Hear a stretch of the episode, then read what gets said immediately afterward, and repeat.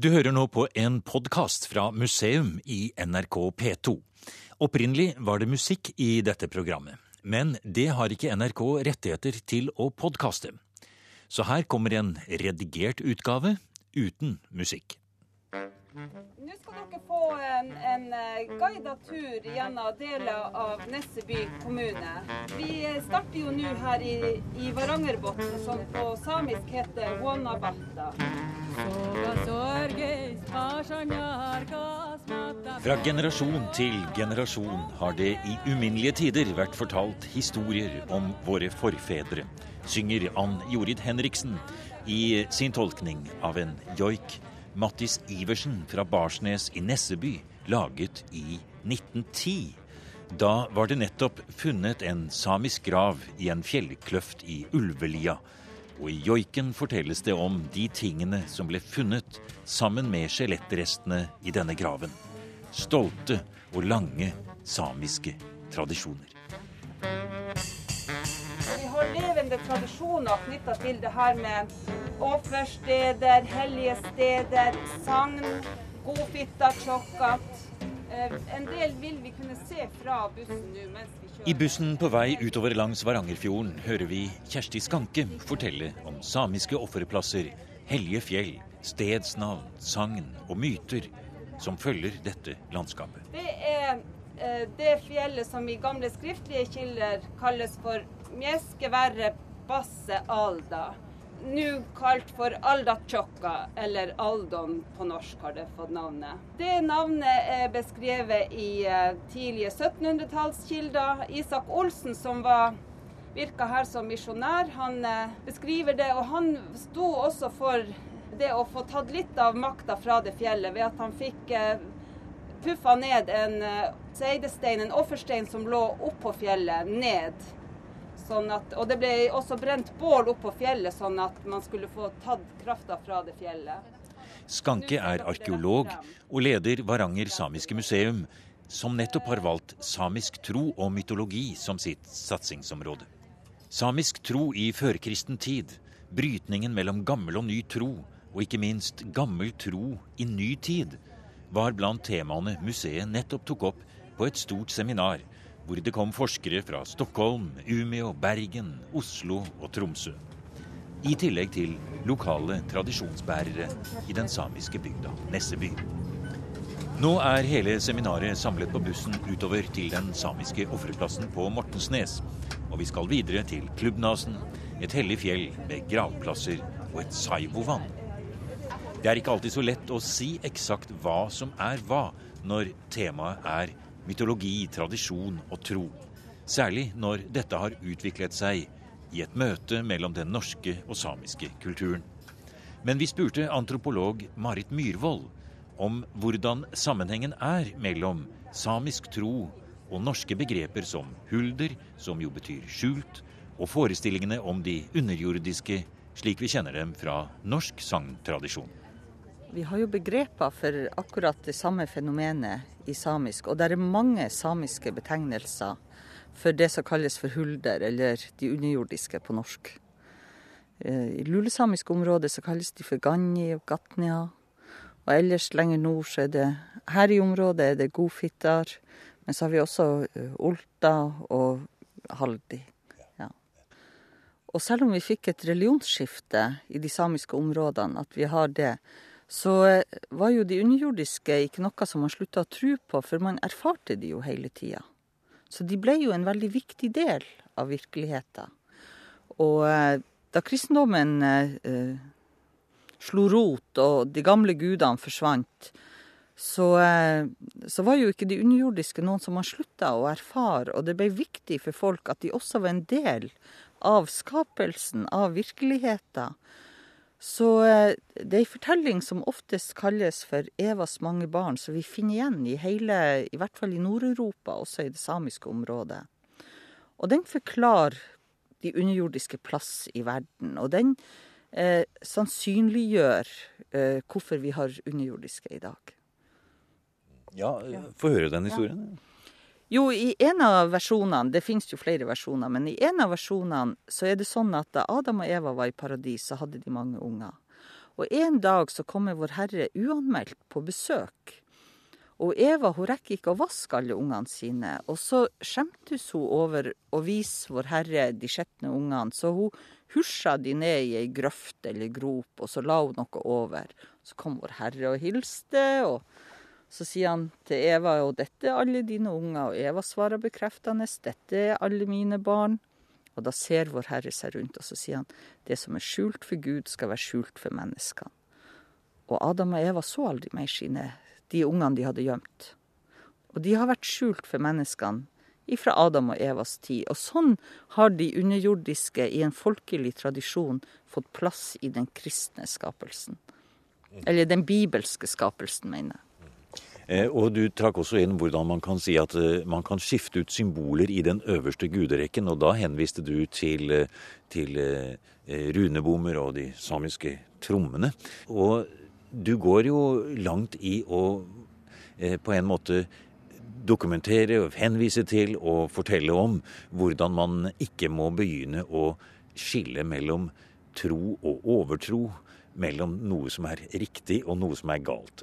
Ja, jeg er så heldig at jeg traff på en veldig eh, en, en, en dame som, som, var veldig pedagogisk i sin forklaring av den samiske virkelighetsforståelsen for meg. Hun tok utgangspunkt i ei eh, samisk tromme. Og, og på trommeskinnet på de samiske trommene så er jo hele det samiske kosmos eh, illustrert. Eh, og denne tromma er sånn konstruert at, at sentralt som, så er det et solsymbol, men atskilt fra det øvrige kosmos ligger gudene sin verden. Og hun fortalte meg at etter religionsskiftet så har de bare bytta ut den øverste guderekka. Hun mente altså det at den øvrige verden, den er, den er kontinuerlig til stede. Alt som finnes i verden.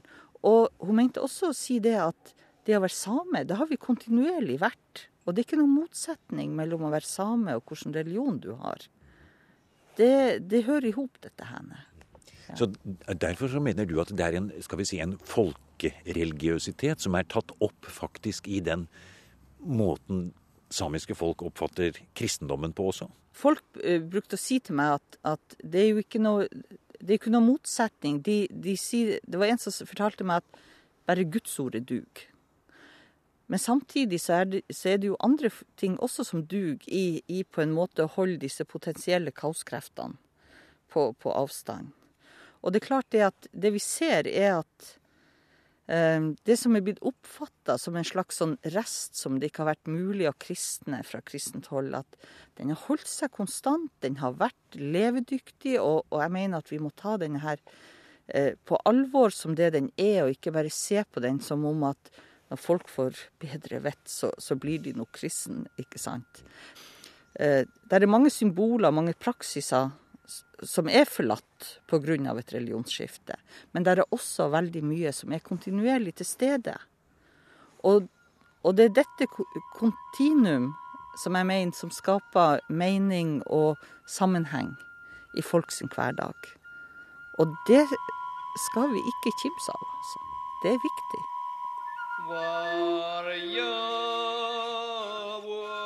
Jelu Dalkas, sjelemedisin heter CD-en med moderne joik fra Nesseby, som vi hører litt fra i dette programmet.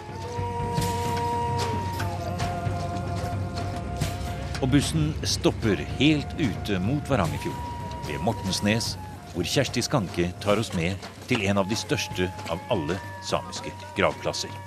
Og den har vært i bruk i mer enn 2500 år. Ned her til mot eh, sør så ligger en av de to ringforma offerplassene vi har her i kulturminneområdet. Eh, her ser dere også en del av det som preger en del av landskapet her på Mortensnes, nemlig sånn helleur. Og i den helleura så ligger det graver. De ligger stort sett overalt. Det ligger graver her i området. Så hvis dere beveger dere litt rundt her, så vil dere kunne se graver jeg tror det skal være noen åpna graver også i nærheten av eh, den offerplassen. Og gravåpninga her på Mortensnes den har foregått fra midten av 1800-tallet og frem til eh, 1970-tallet. Og det er ikke måte på hvor mange som har vært her og åpna graver. Det starta med, med Age Nordvi, som var handelsmann her på siste del av 1800-tallet. Som eh, åpna en rekke graver, og som sendte materiale sørover. Og det var jo en del av denne tidlige raseforskninga. Men etter hvert så fortsatte man med gravåpninger med litt forskjellig motivasjon. Og jeg ser i sånne beretninger fra Tromsø museum f.eks., hvor de var på studietur i området, og så stopp, gjorde de en stopp på Mortensnes, og så åpna de et par graver. Hvis vi ser her borte nå, så ser ja. vi i uret der så er det en stor eh, Akkurat som en, eh, et gjerde på en måte som det er ryddet plass, og vi ser det er eh, en kanskje en meter høy sirkelformet. Ja, ja det, det, er rydda for stein inni, og så har du en sånn stein, sirkelforma steinoppmuring. Diameteren den er over ti meter. Jeg er ikke helt sikker på hvor, hvor mange meter den er nå, men den er rundt omkring det. Og det er den type konstruksjoner som vi kjenner flere steder her i Varanger, faktisk. Som er det ligger i muntlig tradisjon også som ringforma offerplasser. Altså der man har ofra.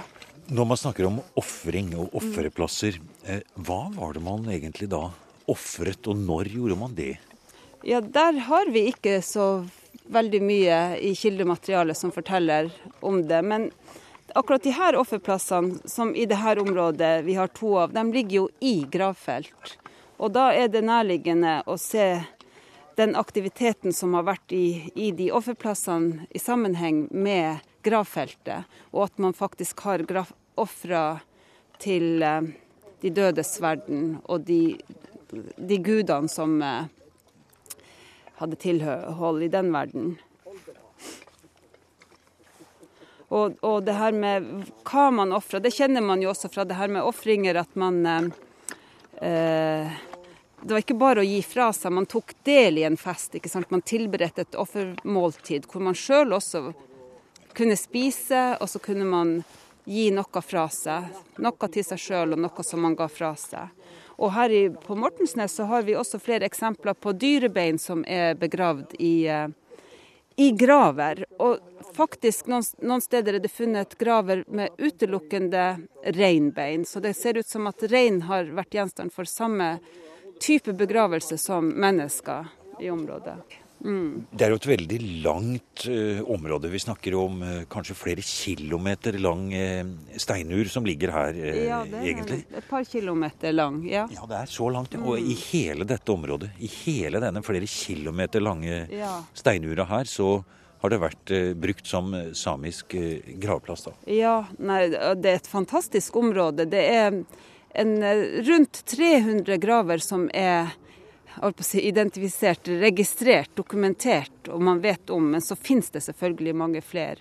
Og den tidsperioden man har brukt den gravplassen her, man har lagt sine døde ned her, det er ufattelig to og et halvt årtusen. Altså det starta i årtusenet før Kristi fødsel, og det her foregikk helt frem til 1600-1700-tallet.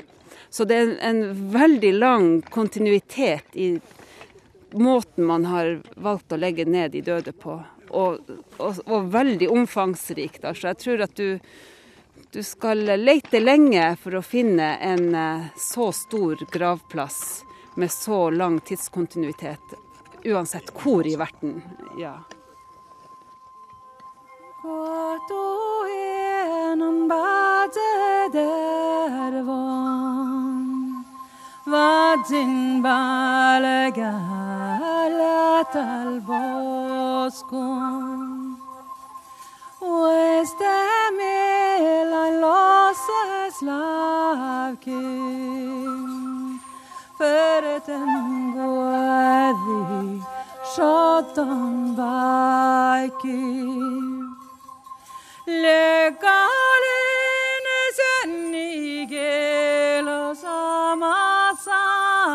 i taket.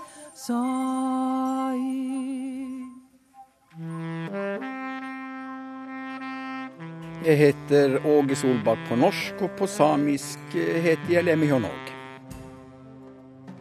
Åge Solbakk, eller Lemion Åge fra Nesseby, er samisk historiker og har gitt ut en lang rekke bøker om samisk språk, historie og kultur. Annet Sápmi er lik sameland, som behandler samenes historie fram til 1751. Solbakk forteller om joikens betydning for noaidene når de skulle kontakte de dødes verden for å søke råd. Seremoniene og skikkene noaidene brukte i gammel tid, ble bl.a. beskrevet av misjonæren Knut Lem i hans bok 'Finnmarkens lapper' fra 1767. Der beskriver han på grunnlag av hans egne kilder og andre misjonærers kilder, om hvordan eh, denne her nueidien forberedte seg til denne eh, seremonien. Den mannlige nueidien. Og han hadde jo, før han da dukket ned i den såkalte eh, andre verdenen, eller da som det heter på eh, samisk Nubiaimo, den andre himmelen. Og han, eh, han, har jo nedtegnet de her samiske begrepene som ble brukt av eh, eh de her noeidiene eh, på den tiden. Han var jo kledd i statsklær og han hadde jo noen medhjelpere før han dukket ned. Og han har fått også nedtegnet eh, de her begrepene. Dukke ned, tjanga litt. Eh, og før han gjorde det, dukke ned i den andre verdenen for å gi, hente råd av avdøde noidier eller slektninger om eh, sykdom. F.eks. hvis en, en av eh, SIDA-medlemmene var blitt syke så var det jo viktig å, å kontakte de avdøde Nueidin og få hjelp derifra. Eller at man ville stagge denne her eh, såkalte onde guddommen i dødsriket, Jæpmjaim. Og joiken kommer vel eh, er viktig i, den forbindelse. Eh, så, så joiket ham før han dukket ned. Og når han skulle våkne til liv igjen, så var det da spesielt to kvinnelige eh, medhjelpere som joiket en sakte joik for å få han tilbake til liv igjen. Og han joiket selvfølgelig ikke når han dukket ned til, en, til dødsriket, til Jepmi Aimo, for å stagge dødsguden Rohto. Eh, og da var det iallfall viktig å bruke eh, de her Neidegadsene til å hente informasjon om hva slags offer skulle da denne her eh, dødsguddommen ha for at vedkommende skulle bli frisk, som da eh, hadde blitt veldig syk, og at Rohto, dødsguden, var årsaken til sykdommen. Her ja.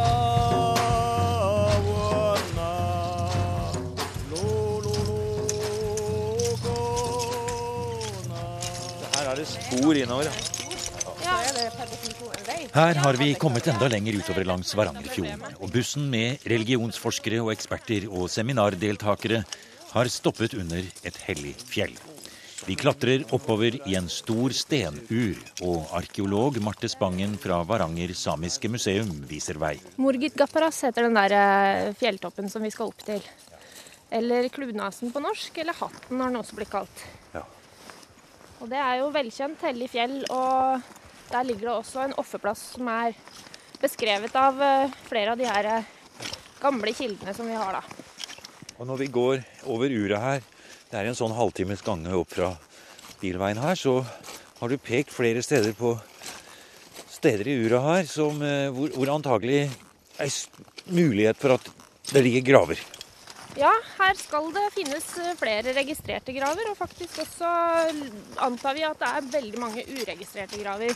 Og se den ura her, ja. Her er det bare ja. å holde balansen, tror jeg. Ja. Her er det bratt oppover her. Ja. Nærmer oss toppen, da. Det er sånn at Hvis vi går rundt litt på andre siden av fjellet, så ser vi faktisk eh, en ansiktsprofil i fjellet. Aha. På baksiden så ligger det et såkalt eh, saivovann. Det blir i hvert fall kalt eh, savja eller saiva av lokalbefolkninga her. Som eh, er et begrep som også har blitt brukt om vann med dobbel bunn, f.eks. Det er et eget begrep. F.eks. her i Øst-Finnmark bruker man betegnelsen savja om dette såkalte samiske paradiset. Og mens i de vestlige dialektene sier man saivo. Der lever i det vannet kanskje eh, våre forfedre, eller de som da forlot denne verden, spesielt noaitiene. Avdøde noaitier. Og at man og Hvis du f.eks. går rundt det vannet, så ser du urgraver ved vannet. Så der er da sikkert eh, noaitier begravd med føttene vendt mot vannet. Men eh, de er uberørt, de her urgravene. Det har man ikke forska på. Det vil heller ikke nord, eh, lokalbefolkningen at det skal gjøres. Så de, de får ligge i fred. Ja. Vi får gå lenger oppover her nå. Det er et fantastisk utsyn når vi kommer opp på platået 50-60 meter over Varangerfjorden. Helt på toppen av Murgid, eller Klubbnasen som dette neset ut i Varangerfjorden heter. Det er utsikt til de russiske blondene i øst. Fjell, fjord og hav så langt øyet rekker. Ja, det er jo det. Og det er jo, eh, som du sier, det er noe med utsynet her. Og det er også sånn at denne, denne plassen, denne klubbnasen, eller gapra som det heter på samisk, den blir jo da omtalt i skriftlig kilde som en av de fornemste helligdommer blant samene. Så det, akkurat her vi står nå, har det vært et eh, ut ifra de skriftlige kildene da, en, en, en, av de viktigste offerplassene. Da kollektive offerplasser. Ja, og, og, du finner da graver rundt her. Arkeolog Asgeir Svestad har kommet opp langs en bratt rute som går forbi noen av de registrerte gravene. Den så ut som den var tømt, så den har vært utgravd. På et tidspunkt, og skjelettet fjerna. Du så jo åpningen. Vanligvis er de Hvis de ikke er fjerna, de som du ser, kan se gravkammeret så tydelig nedi. Så det der så er det ganske klar indikasjon på at de har vært åpna. Stor sannsynlighet at det har skjedd fra midten av 1800-tallet og framover. Det var jo en handelsmann som ja, Han er Nordvi, ja. Nordvi, Age ja. Nordvi, som ja. Som endte opp som vaktmester på Etnografisk museum i Oslo? Ja, han endte der oppe på slutten av 1870-tallet. Så fikk han tilbud om vaktmester etter at han da hadde gått konkurs. Og i, eh, for å berge seg økonomisk så begynte han etter hvert å selge hodeskaller. Og uh, solgte da for uh, salg til utlandet. Fikk ikke, han prøvde å selge det til Oldsakssamlingen i Oslo, men de syntes det var for dyrt. Han tok faktisk over 100 dollar per kranium, men fikk solgt det til utlandet, bl.a. Tyskland og, og andre, andre, land ja, over, over Atlanteren. Faktum var vel at denne Nordvi han hadde vel også en form for eh, tidlig arkeologisk utdannelse fra København? Han er faktisk da den første, en av de første arkeologene i Norge som hadde da arkeologisk skolering. Han gikk da hos den, den som da blir regna som ja, arkeologiens fader i Norden, i, eller ikke bare i Norden, men faktisk også i, i internasjonal sammenheng. En som heter Christian Jørgensen Thomsen, som da var med, og, og den, den, da som har fått æra av å etablere det første arkeologiske museet. Han gikk i lære. så han var jo sjøllært. Han var en, handelsmann, han også. da. I utgangspunktet så var nok interessen relativt genuint arkeologisk. Men etter hvert så ble den da han kom i økonomisk uføre. Han overtok handelsstedet til faren og klarte ikke å drive det, og var mer opptatt av det her vitenskapelig. Så, så ble da en måte å livberge seg på faktisk da å selge skjelettmateriale. Da. da primært var jo da krania. Og det var, det var det stor etterspørsel etter. På det, på det tidspunktet kom man da virkelig hadde fått eh, altså det med fysisk antropologi, det å forske på skjelettmateriale etter fortidige kulturer eller, eller, primitive kulturer, var en viktig vitenskap, faktisk. Og det er ganske tankevekkende å se de grove sporene etter hjullastere som har gått over Stenura, den gangen Vadsø kommune på 1980-tallet ville regulere dette området til hyttefelt. Men det ble stoppet, sier Åge Solbakk, og går helt bort til kanten av det hellige vannet like ved offerplassen. Der peker han på tre små stenhauger som er nesten umulig å oppdage for et utrent øye. Urgraver med føttene, føttene mot Sabia, det hellige vannet. Det er ikke blitt åpnet. Så lokalbefolkningen i nyere tid har ikke kjent til det. Eller, eller inntrengere ikke, har ikke fått vite om disse. Og her også. Ja, Så det ligger på en linje her? Ja, det ligger på en linje. Så de ligger begravd der, de lokale veiene. Like ved vannet her, ja. Like ved Sabia, ja. Så det, det sies at det har dobbelt bunn uten innløp og, og utløp. Så. så dit skulle de etter døden. Det var bedre å være der enn på, på denne jord. Du har nå hørt programmet Museum som podkast fra NRK. Museum sendes i NRK P2 på lørdager klokken 16 og søndag morgen klokken 8. E-postadressen er museum.krøllalfa.nrk.no. Og nå har museum også en side på Facebook.